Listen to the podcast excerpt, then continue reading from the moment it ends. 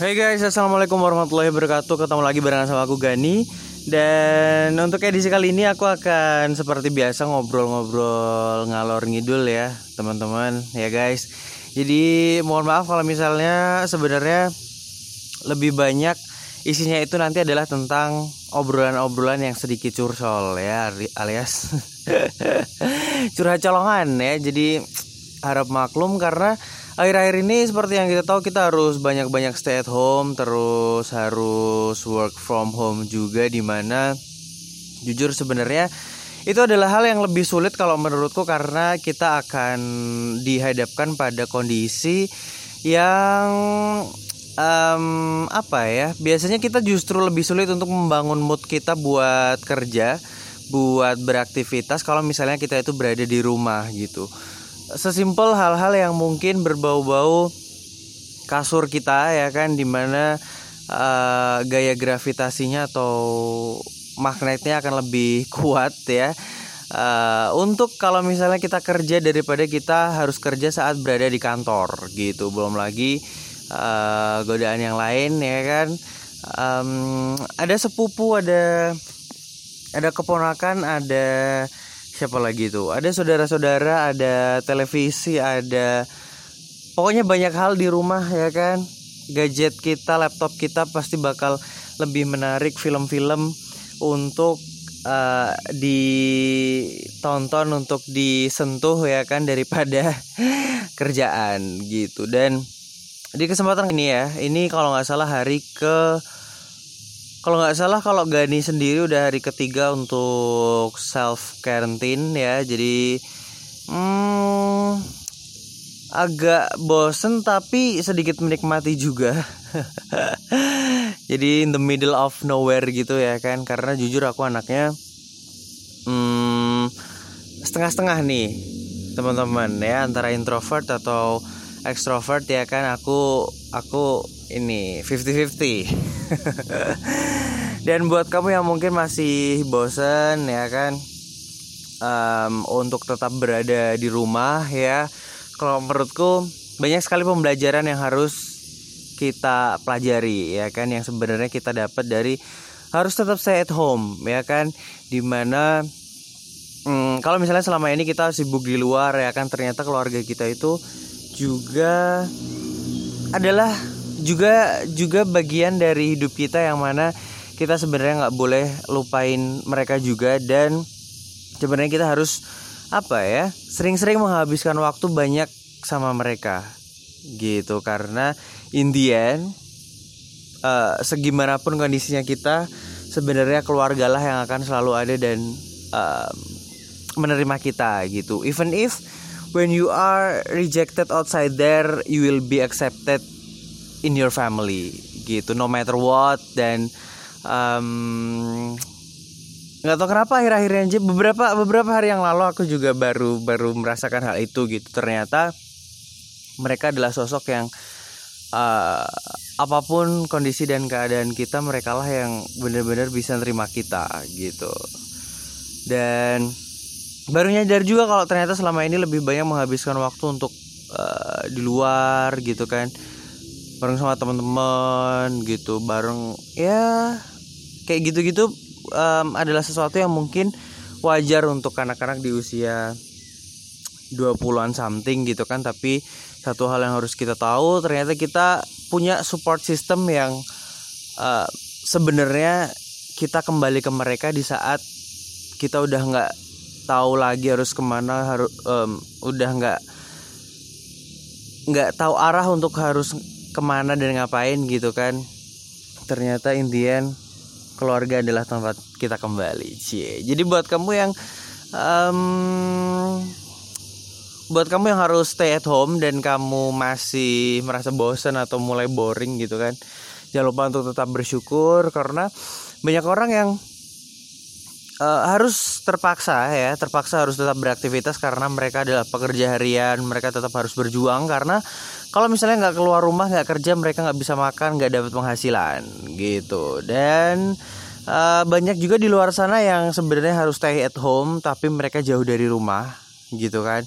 Terus karena Gani juga ada saudara yang apa namanya harus tugas gitu di perbatasan negara yang um, heran gitu kan sama anak-anak yang suruh di rumah aja tuh nggak bisa gitu. Mereka bosen padahal itulah hal-hal yang sebenarnya diinginkan dan diimpikan oleh mereka teman-teman yang mungkin lagi bertugas lagi dinas di luar kota gitu di perbatasan negara harus menjalankan tugasnya gitu kan. Jadi jangan lupa untuk bersyukur. Banyak juga yang harus stay at home tapi ternyata mereka nggak ada keluarga gitu. Jadi hmm, stay at home tapi harus sendirian gitu kan. Dan buat kamu yang masih ada orang-orang yang ada di sekitar kamu jangan lupa untuk tetap bersyukur gitu. Terus kali ini aku juga pengen banget untuk sharing, pengen banget buat sedikit cerita tentang um, my personal life ya kan, um, ngobrolin tentang siapa sih sebenarnya diri aku, terus my planning my plans ya lima um, tahun dari sekarang mungkin dan lain sebagainya. Meskipun mungkin at some point akan melebar ke beberapa hal karena um, ya suka kebiasaan aja gitu. Kalau misalnya udah nyeritain hal A gitu kan nanti lama-lama um, lama-lama nyerempet nyerempet dan juga uh, ke hal-hal yang lain gitu dan ya semoga maklum ya um, Sekali lagi nama aku Gani, aku asli dari Jogja. Aku lahir dan juga besar di Jogja. Aku mm, dari tinggal di Jogja sampai sekarang, bahkan sampai kuliah pun aku di Jogja. SD, SMP, SMA, kuliah aku di Jogja gitu. Terus mm, orang tua Jogja, orang tua Jogja tapi ibuku ada darah Palembang gitu, jadi ya Jogja Palembang gitu. Terus um, orang tua sekarang di Jogja semua tapi uh, kakak-kakakku semuanya di luar kota. Aku oh ya aku kebetulan anak ketiga dari tiga bersaudara nih. Aku anak bungsu terus kakakku yang pertama adalah cewek. Kakakku pertama cewek kakakku yang kedua cowok. Semua udah kerja semua udah uh, berkeluarga.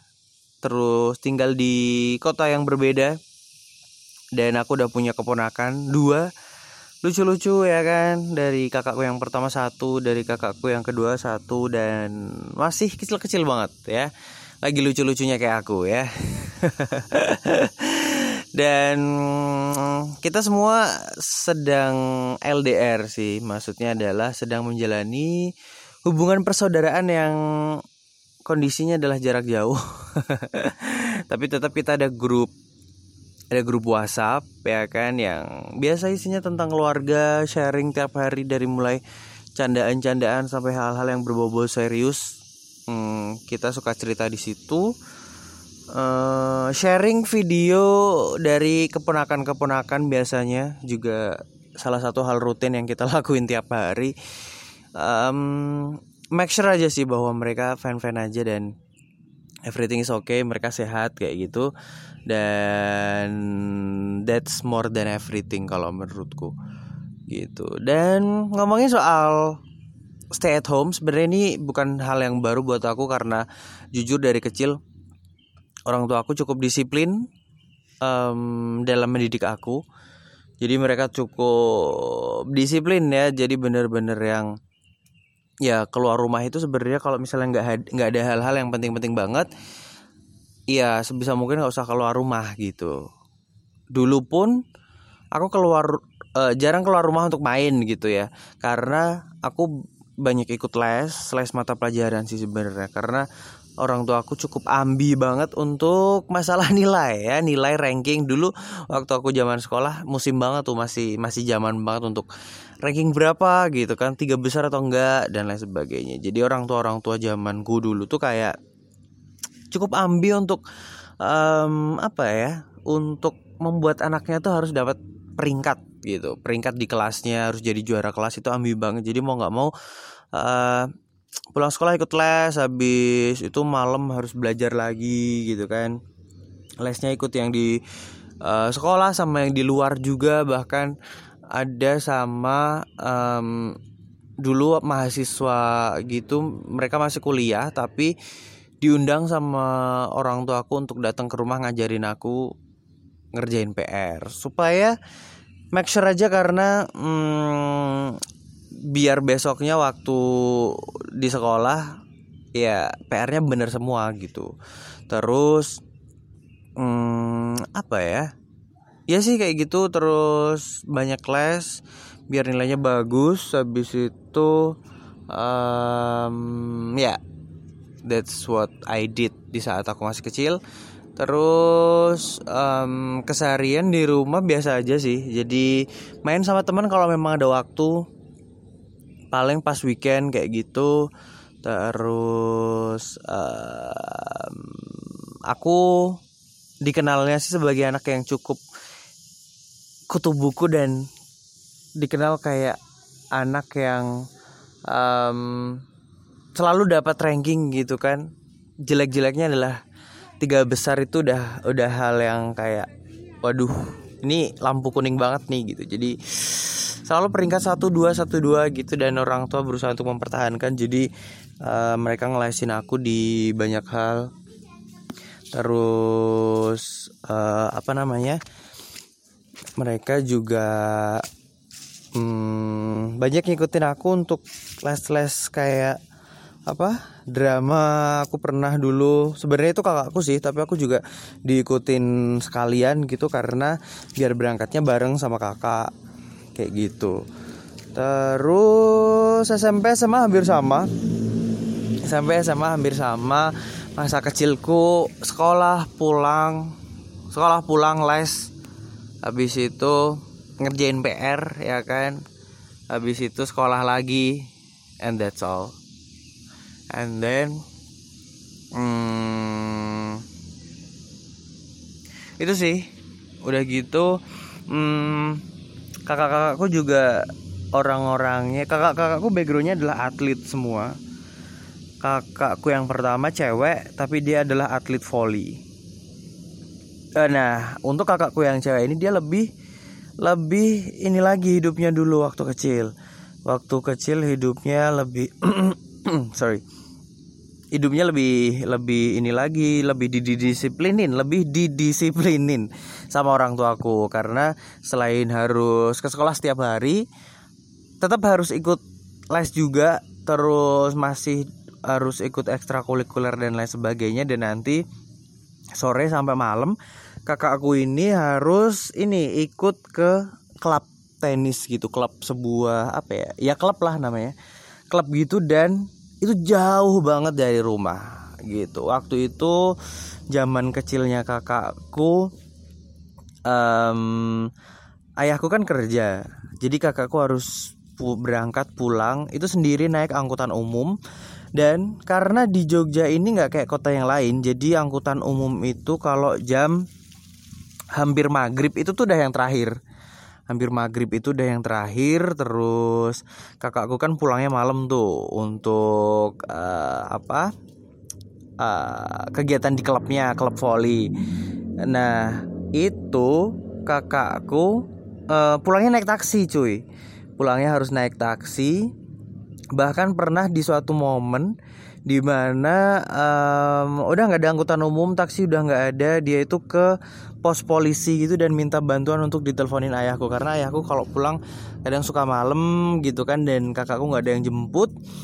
Dia kalau kehabisan taksi nggak ada taksi gitu uh, minta tolong polisi untuk nelponin. Itu gokil sih. Padahal kakakku adalah seorang cewek. Dia uh, apa namanya dia les volley di sebuah klub gitu gabung di sebuah klub profesional gitu di Jogja dan pernah juga banyak sekali kejadian-kejadian drama-drama yang kayak uh, membuatku lebih bersyukur sebenarnya karena uh, hidupku nggak sekeras dia.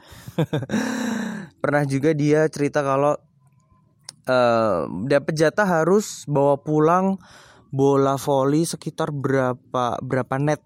Jadi tempatnya tuh satu net yang banyak banget gitu. Dia harus pulang nih ngebawa itu. Nah karena gantian sama teman-temannya. Nah waktu malam itu seperti biasa pulang dari klub udah malam banget.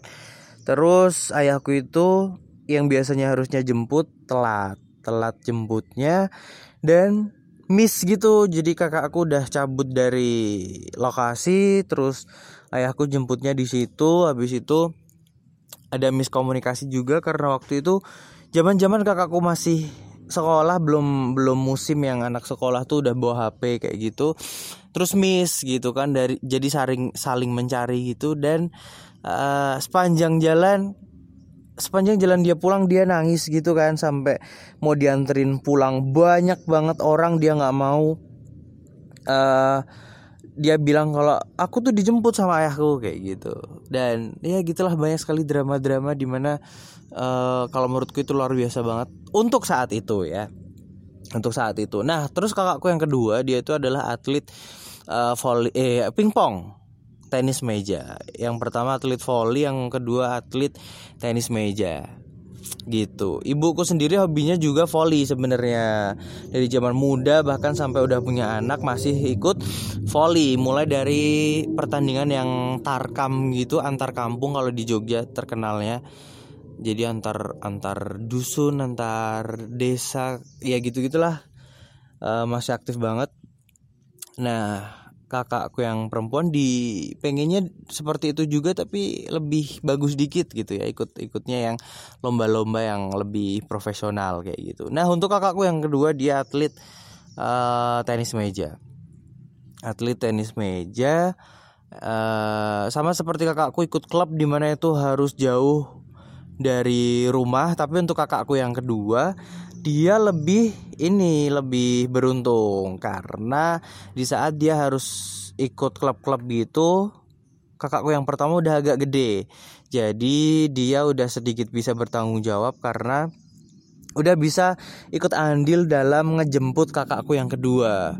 Suka dijemput atau kalau enggak pulang bareng waktu kakakku yang pertama pulang dari klub volleynya dan lain sebagainya. Jadi lebih agak aman nih sebenarnya kakakku yang kedua gitu.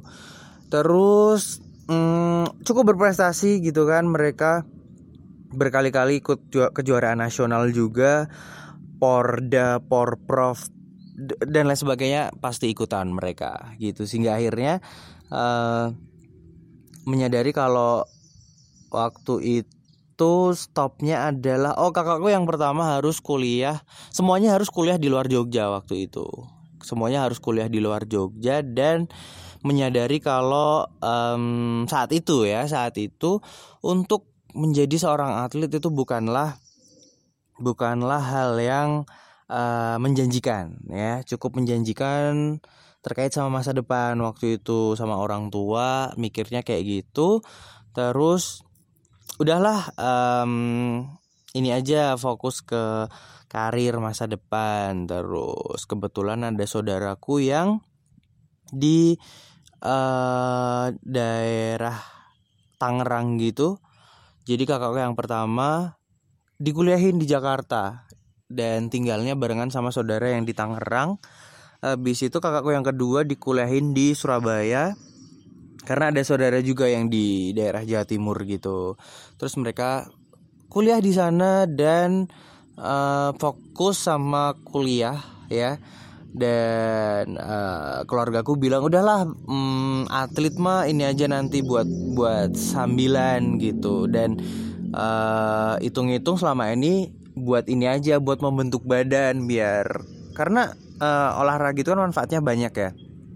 Jadi uh, biar badan biar nggak stay di rumah terus biar nggak gendut biar nggak uh, apa namanya ada hambatan dalam pertumbuhan. Jadi biar badannya bagus biar tingginya maksimal kayak gitu-gitu. Dan akhirnya ya bener sih alhamdulillah kakak-kakakku hmm, badannya tinggi gitu-gitu. Jadi uh, cukup bermanfaat untuk kegiatan les yang selama ini pernah mereka jalanin. And then uh, mereka kuliah setelah setelah selesai kuliah mereka kerja ya udah sampai sekarang mereka udah kerja. Dan uh, ya gitu kalau misalnya ada event-event berbau-bau olahraga mungkin di kantornya segala macem mereka uh, mereka masih tetap ikut sih gitu. Karena mereka dulu mudanya anaknya sport banget gitu anaknya uh, olahraga banget ikut klub dari zaman SD sampai SMA gitu kan. Dan ya seperti itu. Sampai sekarang mereka udah kerja udah punya anak tapi hmm, masih tetap kelihatan untuk bakat suka olahraganya. Dan ibuku tuh ibuku pun juga ibuku pun sama gitu. Jadi hmm, di dekat rumah tuh ada di samping rumah ada meja apa namanya ada tenis meja gitu sering main di situ juga kalau lagi iseng dan lagi mood. Padahal udah emak-emak ya. dan ya gitulah. Uh, nah, tapi sayangnya adalah untuk apa yang terjadi dengan kakak-kakakku nggak terlalu terjadi dengan aku gitu karena nggak tahu ya mungkin anak anak terakhir jadi lebih di di di pusnya adalah di akademik gitu nggak tahu kenapa. Sorry. Ya dan uh, apa orang tua aku lebih seneng untuk zamannya aku sebagai anak yang ketiga lebih senangnya adalah aku les gitu akademik terus dapat dapat nilai bagus dapat jadi juara kelas dan lain sebagainya. Padahal kakak-kakakku dulu nggak terlalu yang dipus banget untuk itu tapi lebih ke apa olahraganya dan lain sebagainya. Kalau aku justru sebaliknya. Gitu. Terus aku setelah lulus hmm, aku ambi banget. Aku cukup ambi sama sekolah tinggi yang uh, ikatan dinas. Jadi sekolah apa ya kampus ikatan dinas kayak gitu pernah ikut tesnya juga dan waktu itu udah udah semacam naif banget karena aku pasti lolos gitu kan. Dan tinggal tes wawancara di mana tes wawancara itu katanya mayoritas pasti lolos gitu. Jarang sih yang gugur kalau ada pun beberapa doang. Tapi waktu itu angkatanku yang pas waktu itu aku tes seleksi ternyata di tes wawancara banyak banget yang harus berkurang karena memang kuotanya itu beda sama tahun-tahun sebelumnya yang biasanya sekian jadi cuman sekian gitu. Jadi di wawancara masih banyak yang harus dieliminasi dan itu termasuk aku parah sih itu itu sedih banget kebetulan itu adalah sebuah sekolah ikatan dinas yang ada di daerah Tangerang juga sih di Tangerang juga gitu dan ya udahlah akhirnya aku ikut yang namanya SNMPTN dan ya udah aku kuliah di Jogja aja gitu. Aku men, aku berusaha untuk menerima keadaan. Tapi aku bersyukur dengan jalan yang dipilihkan oleh Tuhan yang nggak sesuai dengan opsiku sebenarnya. Ternyata aku justru malah dapat pengalaman yang luar biasa yang yang berharga banget dan nggak bisa aku dapetin. Nggak bisa aku dapetin kalau misalnya mungkin aku berkuliah di tempat lain atau di sebuah instansi yang ikatan dinas yang lain kayak gitu. Terus hmm, gitu sih. Itu tentang my personal life my background aku banyak ikut les les agency drama kayak gitu dari dulu orang tua aku. Suka banget untuk ngikutin aku seperti itu dan pengennya adalah anaknya berkegiatan tapi kegiatan di hal-hal yang penting aja gitu. Hal-hal yang mendukung prestasi dan lain sebagainya. That's it. Terus kuliah berjalan dengan habis itu hmm, wisuda. Meskipun aku sebenarnya jujur studiku nggak selesai yang on time banget 4 tahun gitu. Karena di situ banyak perjalanan hidup yang nggak tahu kenapa aku masih pengen uh, membangun relasi masih pengen belajar belajar untuk networking belajar untuk channeling dan lain sebagainya. Di mana waktu itu jujur skripsi dan lain sebagainya eh, nggak selesai on time ya nggak yang empat tahun tank langsung lulus nggak sih gitu dan that's it. Terus aku pengen banget untuk jadi bagian dari tim Prambors karena dari kecil nggak um, tahu kenapa udah terpatri banget di benakku karena waktu aku kecil uh, Prambors di Jogja lagi wow-wownya banget dan uh, salah satu jadi frekuensi yang paling jelas untuk didengerin sama warga Jogja karena um, apa namanya waktu itu dengerinnya masih pakai radio biasa gitu. Radio biasa dan itu clear banget untuk uh, frekuensinya buat didengerin. Jadi aku inget waktu sebelum berangkat sekolah seneng banget um, nyempet nyempetin waktu ya kan buat dengerin yang namanya Cici Panda. Itu waktu aku SD parah ya. Waktu SD sebelum berangkat uh, sekolah harus nyempetin banget untuk dengerin yang namanya Cici Panda. Jadi Cici Panda itu kan sebenarnya siarannya dari pagi. Nah, uh, sebelum Cici Panda mulai on air, aku udah harus rapi dulu nih. Udah rapi, udah mandi, udah pakai seragam sekolah, tas udah siap. Jadi uh, Cici Panda on air, aku udah harus di depan radio dan sambil sarapan atau sambil baca-baca buku gitu buku mata pelajaran yang uh, hari ini ada di jadwal di kelasku gitu. Aku pantengin terus waktu itu juga Cici Panda itu udah nongol di sebuah reality show ya yang namanya adalah termehek-mehek barengan sama siapa tuh namanya. Pokoknya dia ada partnernya yang berdua gitu. Termehek-mehek cuy ya kan uh, program terbaik-baik di mana aku udah sering nonton juga setiap sore.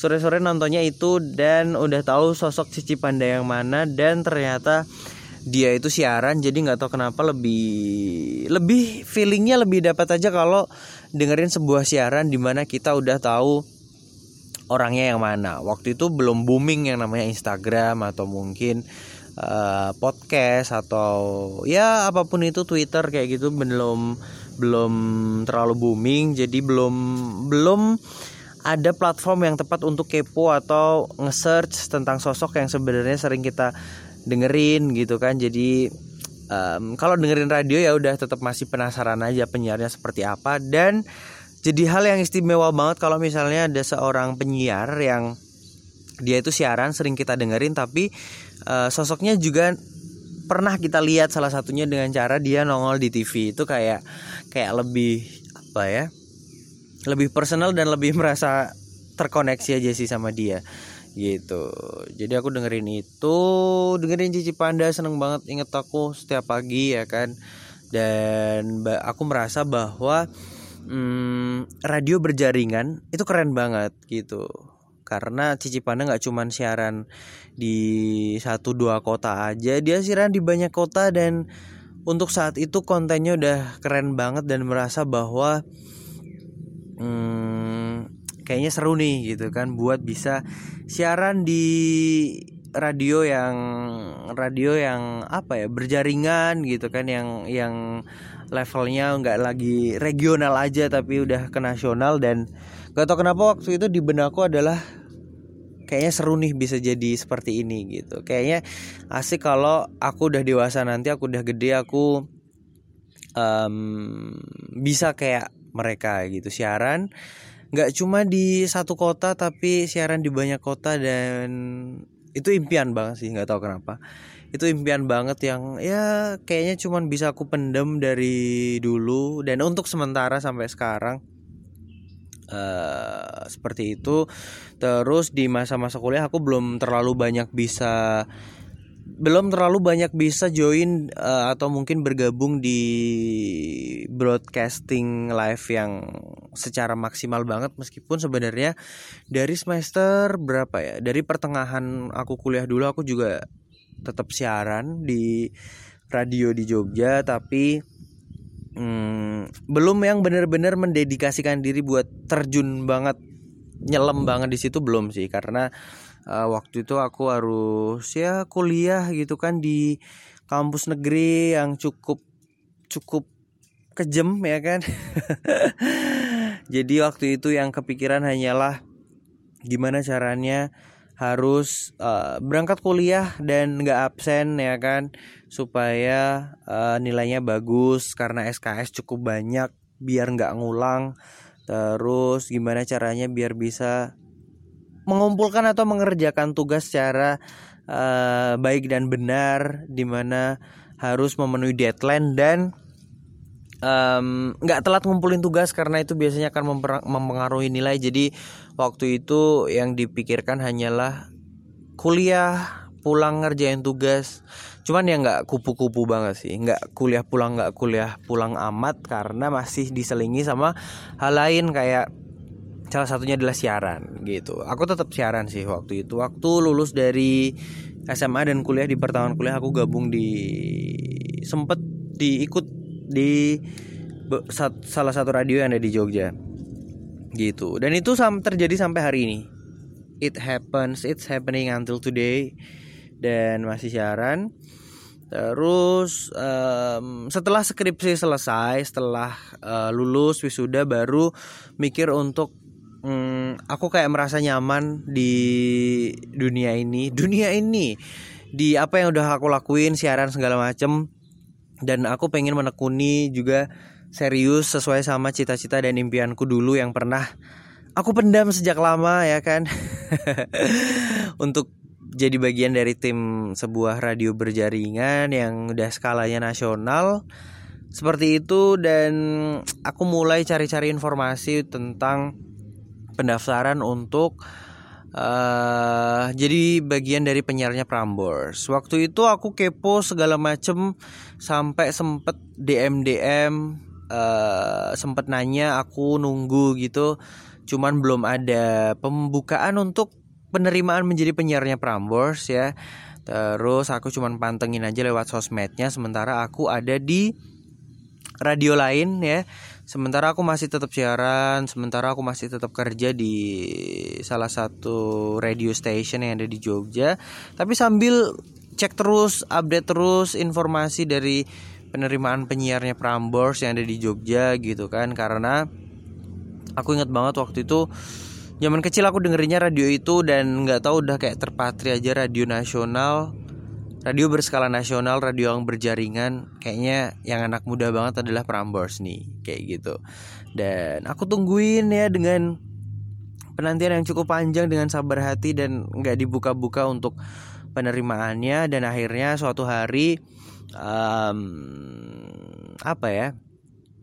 Mungkin doaku mulai didengar sama Tuhan. WD ada penerimaan Prambors ya penerimaan penyiar Prambors. Dan um, waktu itu jalanku sebenarnya nggak semulus yang lain gitu kan. Karena aku sebenarnya harus uh, datang langsung dan aku harus ngobrol harus negosiasi sama tim Prambors Jogja. Karena waktu itu um, aku masih kerja di radio lain bahkan sampai hari ini uh, masih kerja di radio lain dan um, untuk sekarang nego sudah sudah nego karena um, aku udah mengajukan untuk resign gitu dan aku pengen untuk fokus di Prambors gitu. Nah waktu itu beberapa bulan yang lalu itu masih pendaftaran untuk seleksinya gitu. Di mana syaratnya harus upload foto eh upload video di sosmed dan harus tag Prambors pakai hashtag terus ngetag Prambors gitu. Alasannya apa? Cuman itu nggak mungkin aku lakuin karena aku posisinya berada di bawah radio lain dan nggak mungkin aku upload tentang um, radio Prambors kayak gitu. Akhirnya aku datang tuh datang nanya mas gimana dong caranya? Aku ketemunya sama Mas Rama aku inget banget tuh aku nanya aku nego. Gimana sih ini harus ini ya kalau misalnya aku bikin video dan aku kirimnya via email boleh nggak nih? Kayak gitu. Atau aku kirim via link gitu kan. Karena aku kondisinya lagi kayak gini tapi aku pengen banget nih gabung di Prambors dari dulu terus dan lain sebagainya. Waduh gimana ya? Soalnya ini ketentuan dari pusat katanya Mas Rama. Terus aku diminta nunggu berapa hari katanya nanti mau dikabarin dan akhirnya aku tunggu-tunggu katanya boleh. Oke aku bikin video gitu kan. Aku bikin video um, aku kirim ke Mas Rama dan akhirnya nunggu lagi sampai dihubungin sampai berbagai macam tahap aku laluin gitu kan.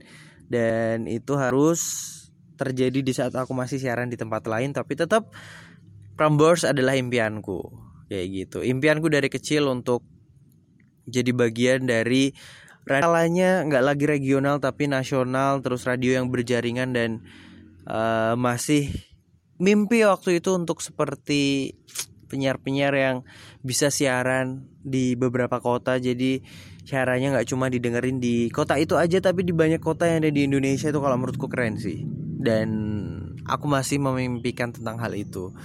Gitu terus um, itu tadi untuk target dan kenapa aku pengen banget buat jadi jadi bagian dari Prambors. Karena memang untuk sekarang ini Prambors adalah um, barometer untuk radio anak muda gitu. Barometer buat radio-radio anak muda uh, digandrungi sama banyak banget anak muda yang nggak cuma di Jakarta nggak cuma di Jogja tapi di banyak kota. Dan kalau menurutku udah punya tempat tersendiri sih di mata pendengar radio yang ada di Indonesia dan reputasi nggak perlu diragukan lagi udah oke okay banget dan ikonik banget sih kalau menurutku. Kayak kayak ya platform anak muda untuk untuk ngedengerin musik untuk dapat info yang menarik untuk jadi apa ya hmm, jadi anak yang cukup seru salah satu caranya dengerin aja Prambors terus dan aku suka banget gitu hmm, untuk target aku ke depan adalah aku pengen jadian aku pengen jadi bagian dari Prambors Cara di Prambors Jogja dan aku pengen banget untuk lanjut studi. Aku pengen banget studi lagi dan itu masih di Jogja sih.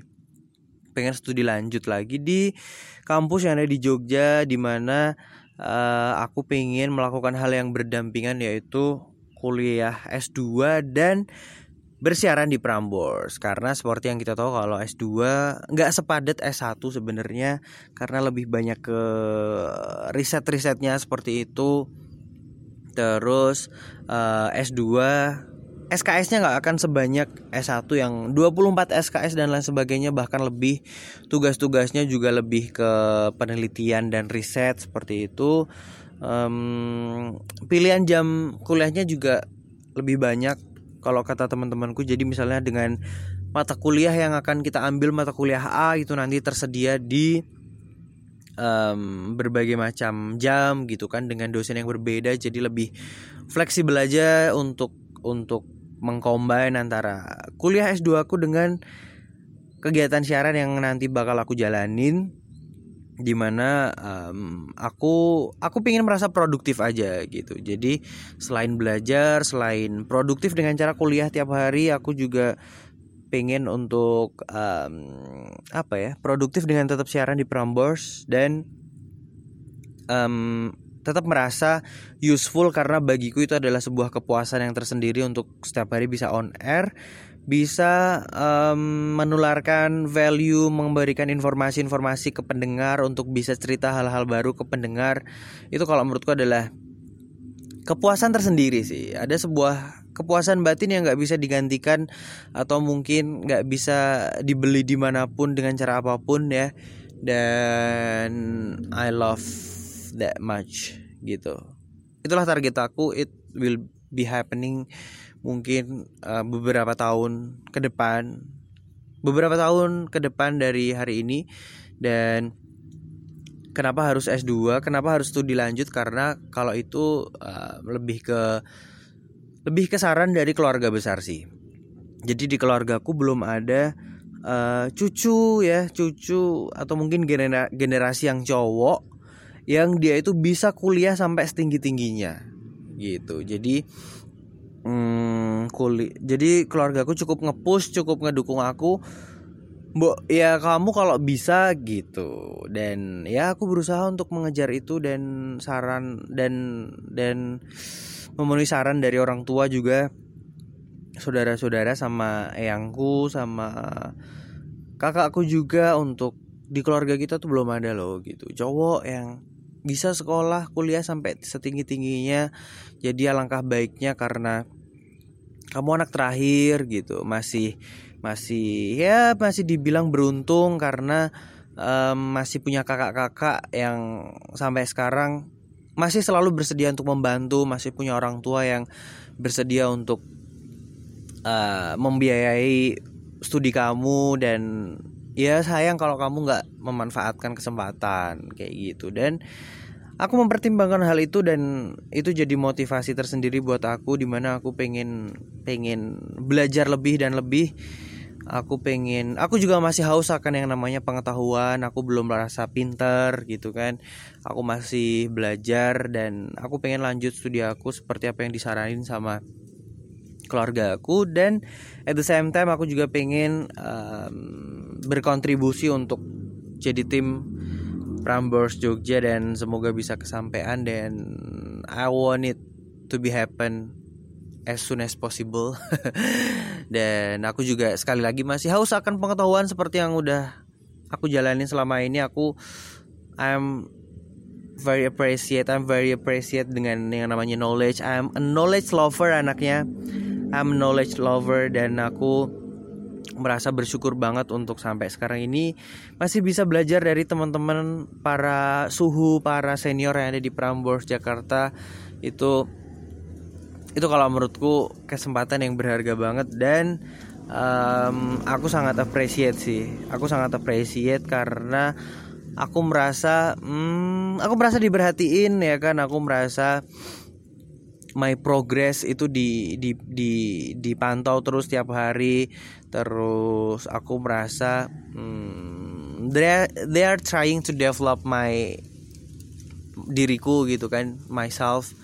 Dan aku sangat sangat sangat sangat sangat berterima kasih dan juga aku merasa mengapresiasi sekali dan it touch me it touch my heart dan um, uh, so deep inside aku merasa bahwa beruntuk sekali untuk bisa bisa mendapatkan kesempatan seperti ini untuk dimentorin untuk um, diminta buat belajar di mana sebenarnya diminta belajar itu tuh nanti endingnya adalah untuk development diriku sendiri untuk kebaikanku. Dan thank you so much buat buat teman-teman yang ada di Prambors for the unlimited kesabaran ya kesabaran yang luar biasa unlimited terus understanding yang luar biasa banget. Isinya anak-anak muda yang ternyata mereka cukup mature banget cukup cukup dewasa dan aduh keren banget lah keren banget keren keren keren. Dan aku cuman berharap semoga aku bisa segera menjadi bagian dari Prambors dan aku bisa kerja keras untuk apa yang memang aku impikan selama ini and I I'm going to give what I have dan ya yeah, that's all. Mungkin uh, di kesempatan lain aku bakal sharing lagi tentang hal yang lebih dalam dari um, tema kita hari ini tapi karena waktunya udah cukup banyak ya cukup um, ya sesuai sama apa yang diminta sama Bang Eda I think that's all.